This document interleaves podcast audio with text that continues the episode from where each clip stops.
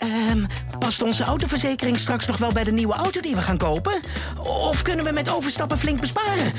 Genoeg van het stemmetje in je hoofd? Even Independeren. Daar word je altijd wijzer van. Vergelijk nu en bespaar. Welkom bij Independer.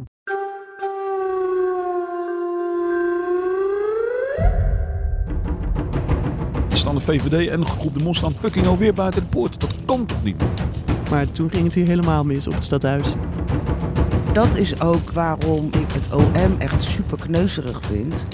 Ze gaan er echt voor. Beluister de nieuwe afleveringen van O de Mos op ad.nl slash podcast of via je favoriete podcast app.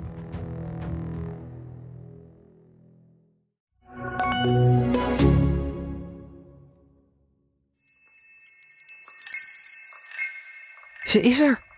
Rianne is er.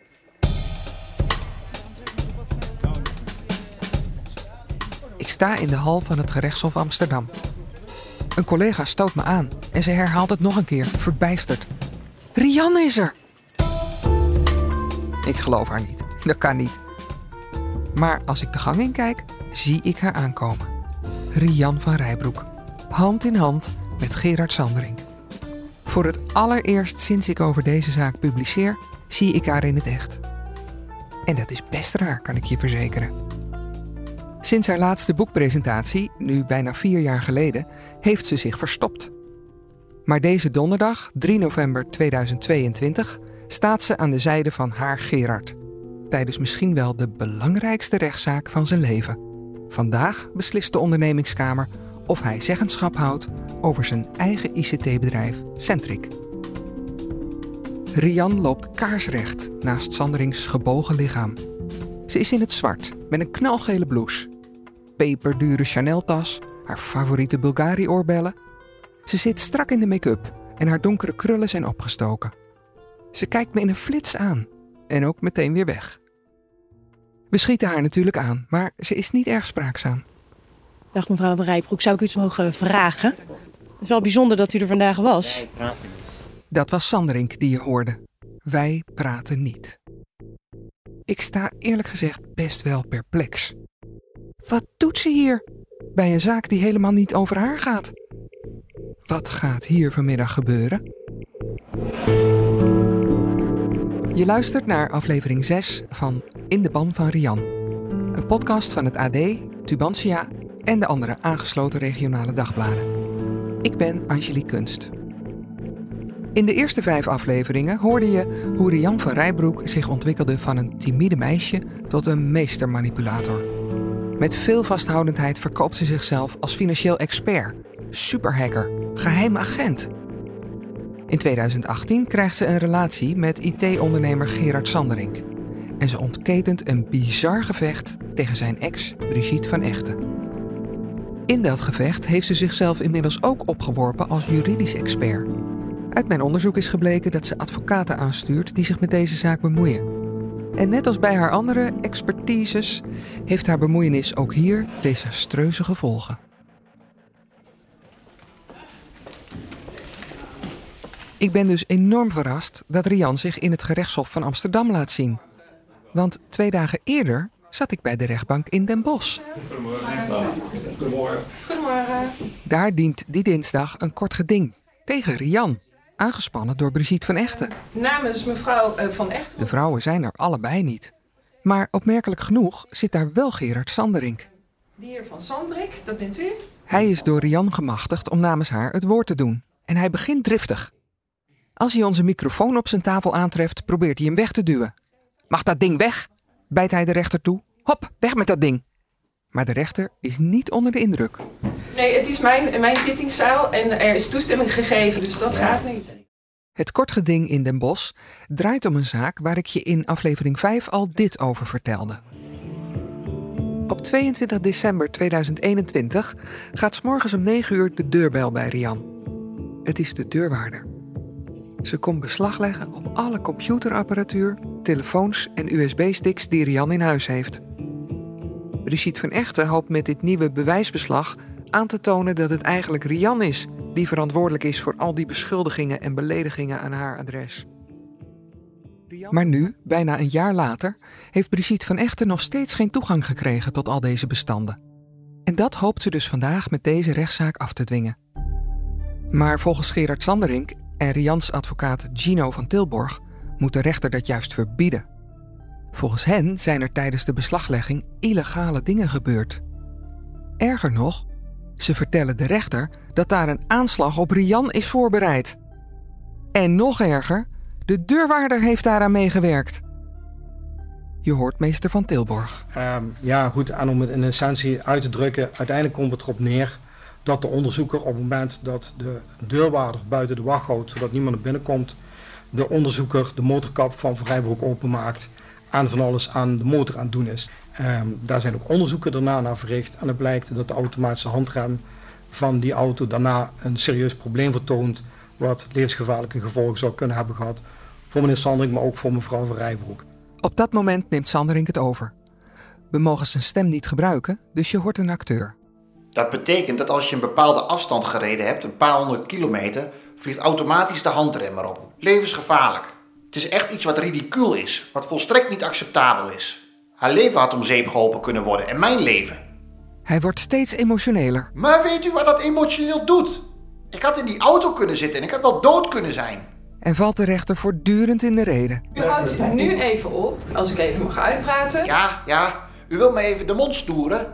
Dat zou ik maar even niet doen. Vertel u alleen wat ik vandaag aan het doen ben. Even later beweert hij dat ze aan de software van Rians auto konden zien dat ermee gesjoemeld is.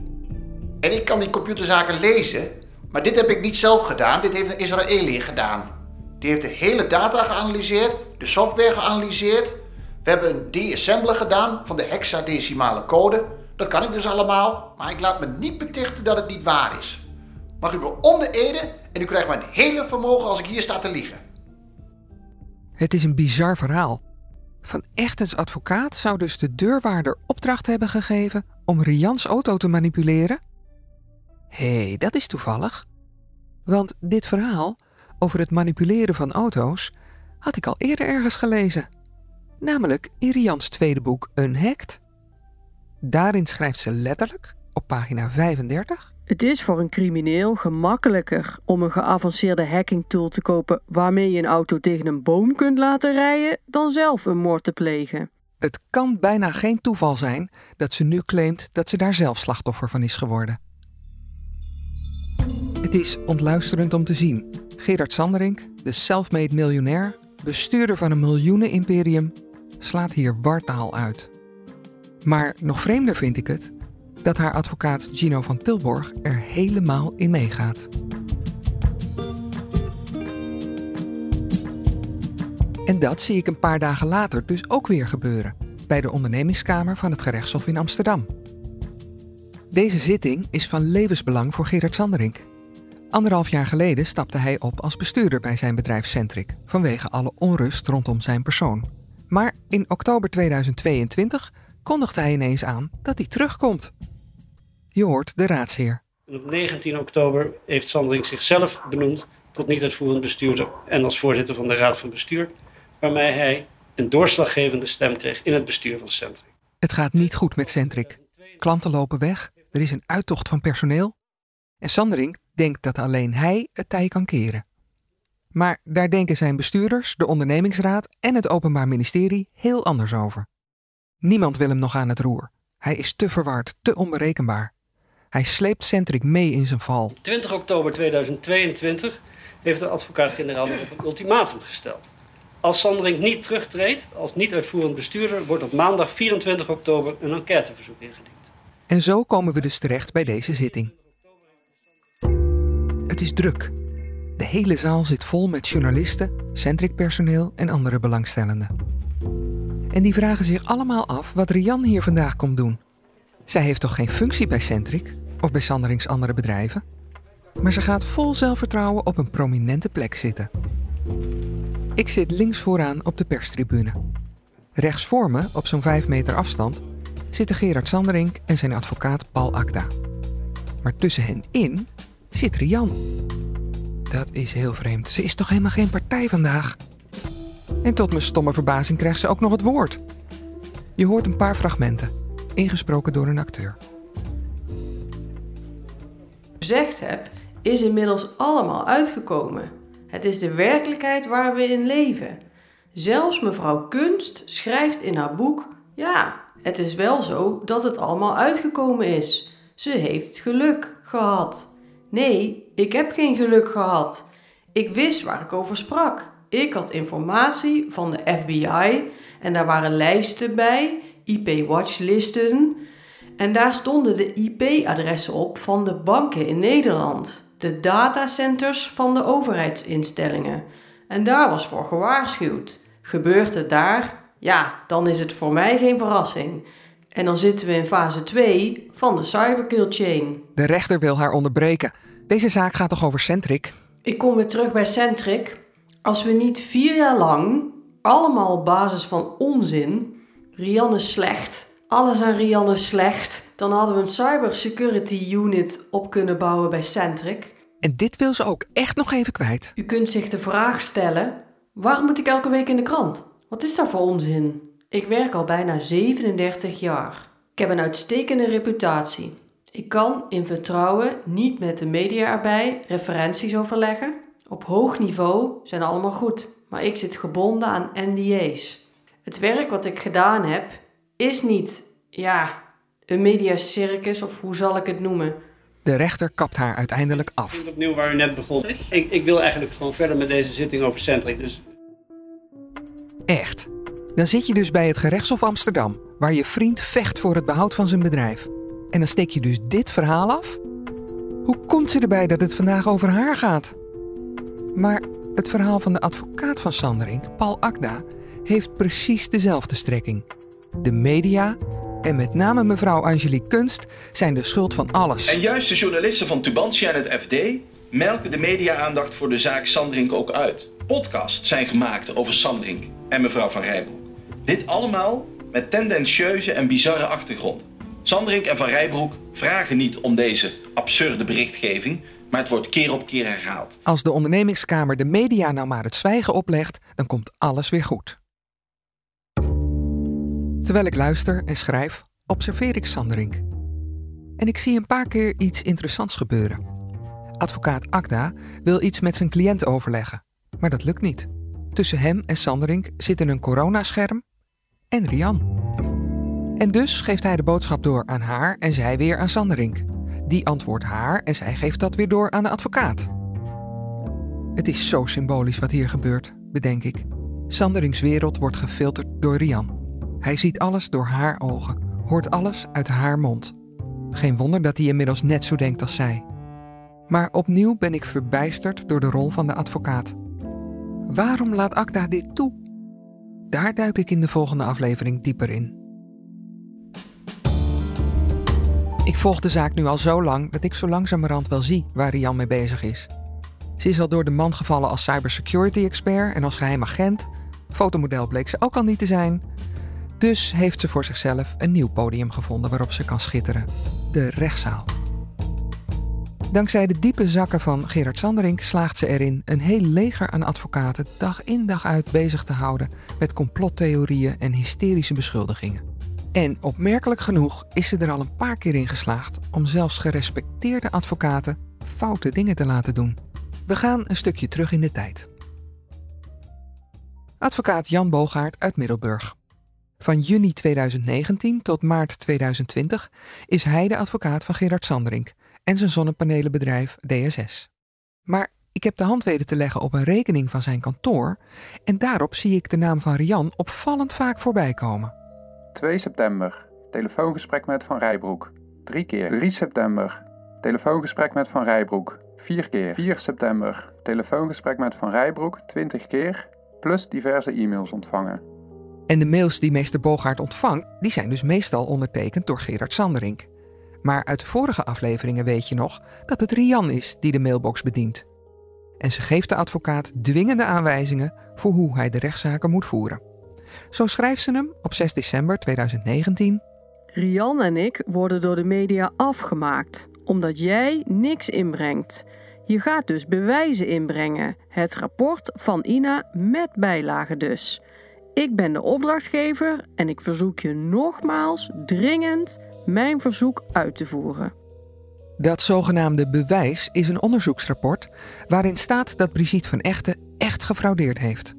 Want daar begon het allemaal mee, weet je nog? Onder invloed van Rian beschuldigt Sanderink zijn ex van fraude.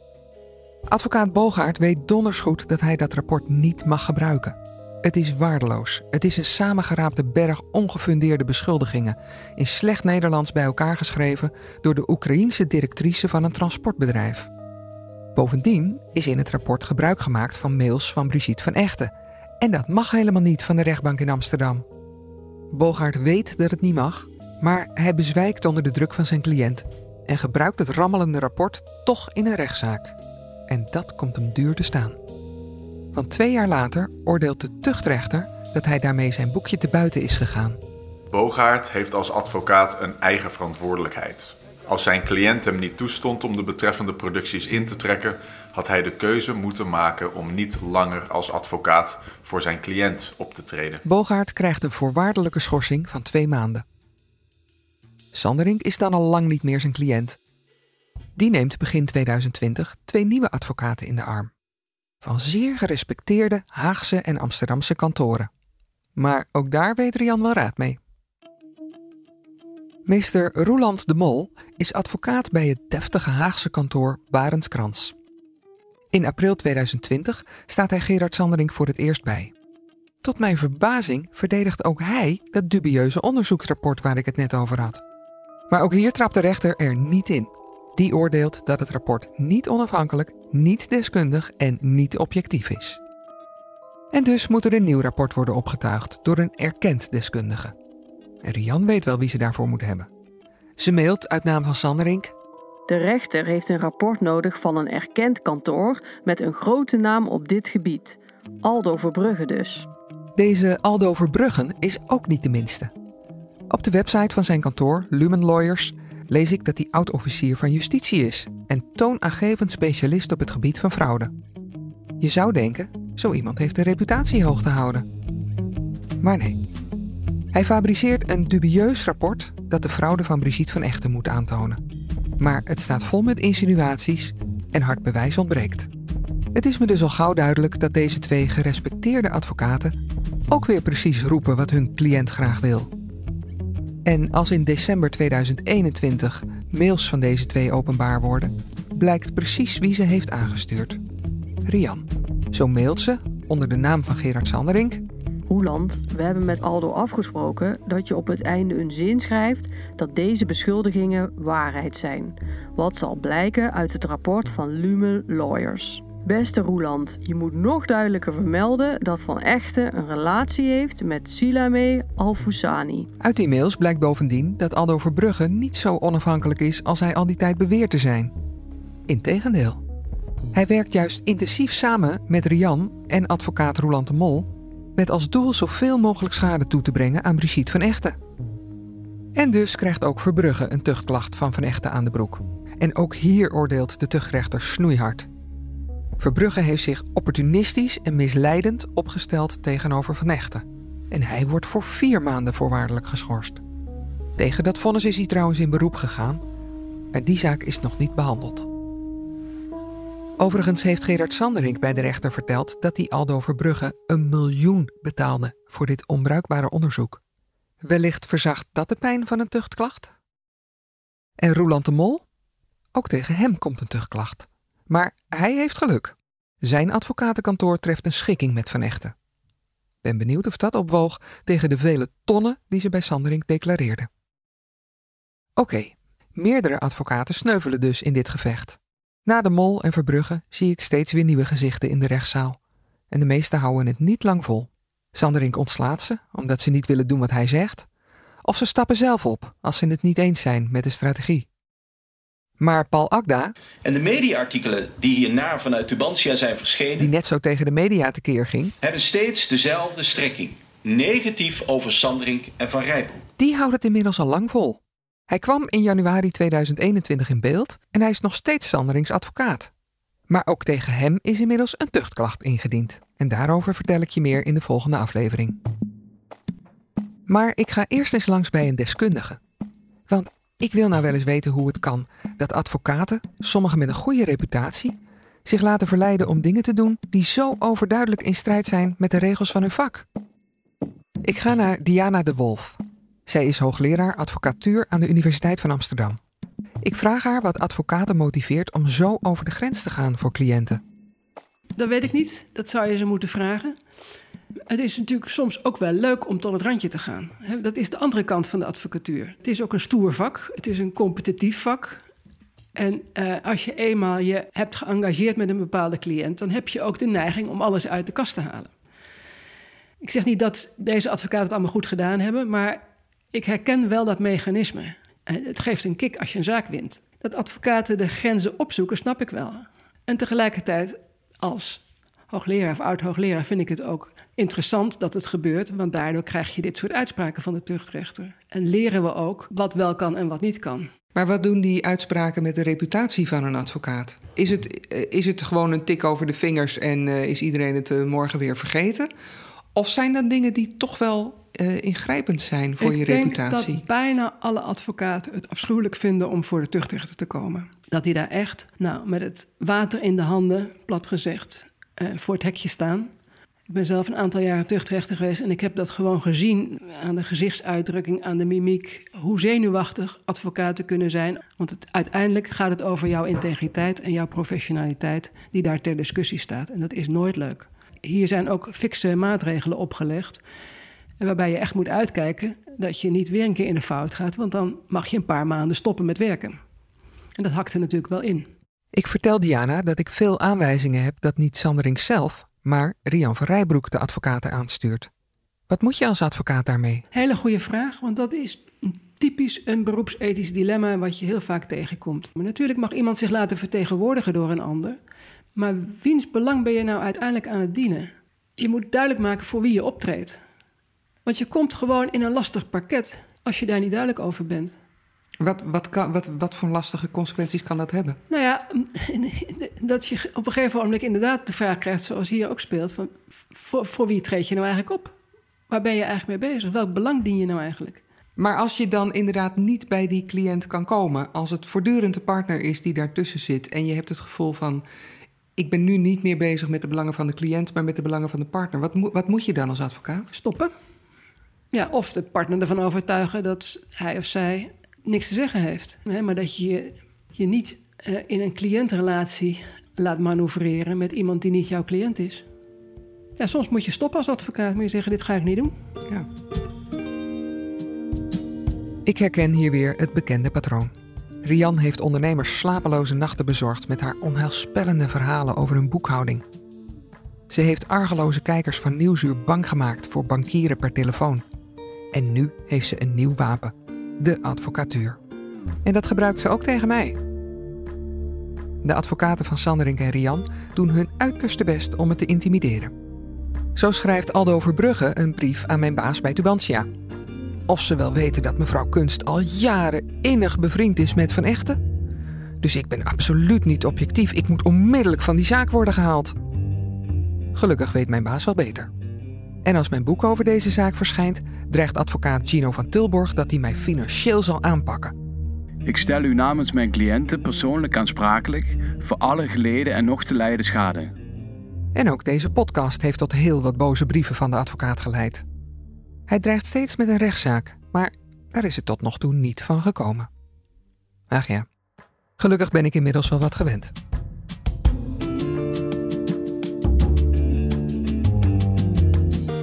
Dit was aflevering 6 van In de Band van Rian. In de volgende aflevering ga ik op zoek naar de geldstromen waarmee Rian haar vazallen aanstuurt. Goed om te weten, ik heb voor mijn boek, artikelen en deze podcast tientallen bronnen gesproken en honderden e-mails, appjes en andere documenten doorgespit. We maken gebruik van originele fragmenten van interviews met betrokkenen. E-mails en andere berichten hebben we laten voorlezen door stemacteurs. Niet alle bronnen wilden met hun eigen stem in de podcast. Ook in die gevallen hebben we gekozen voor stemacteurs. Uiteraard hebben we zowel Rian van Rijbroek als Gerard Sanderink de gelegenheid gegeven te reageren. Helaas willen ze dat niet.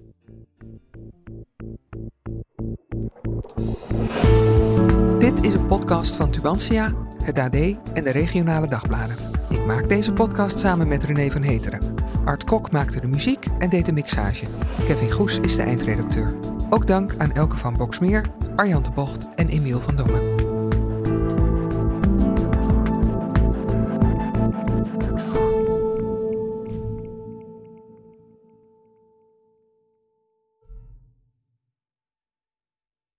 De politie is woensdagmorgen opnieuw binnengevallen bij camping, Camping Fort. Oranje tussen Breda en Rijsbergen. Op camping Fort Oranje, tussen Rijsbergen en Breda, kwamen verschillende werelden samen. Er woonden zo'n 700 mensen. En bij de ingang stond een slagboom. Maar dat betekende niet dat het daar binnen veiliger was dan er buiten. Zo gaat de gemeente met mensen om. Hoe kon het in hemelsnaam zo ver komen? Dat was Kees Engels. Nou, en toen, nou, toen knapte er iets. Echt, ik ben ook op van de stress. Dit is De Erfenis van Engel. Te beluisteren via de sites van het AD, B en de Stem en de aangesloten regionale dagbladen. Ah, we rijden al jaren schadevrij en toch stijgt de premie van onze autoverzekering elk jaar weer. Kunnen we niet eens wat besparen? Genoeg van dat stemmetje in je hoofd? Even Independeren. Daar word je altijd wijzer van. Vergelijk nu en bespaar. Welkom bij Independer.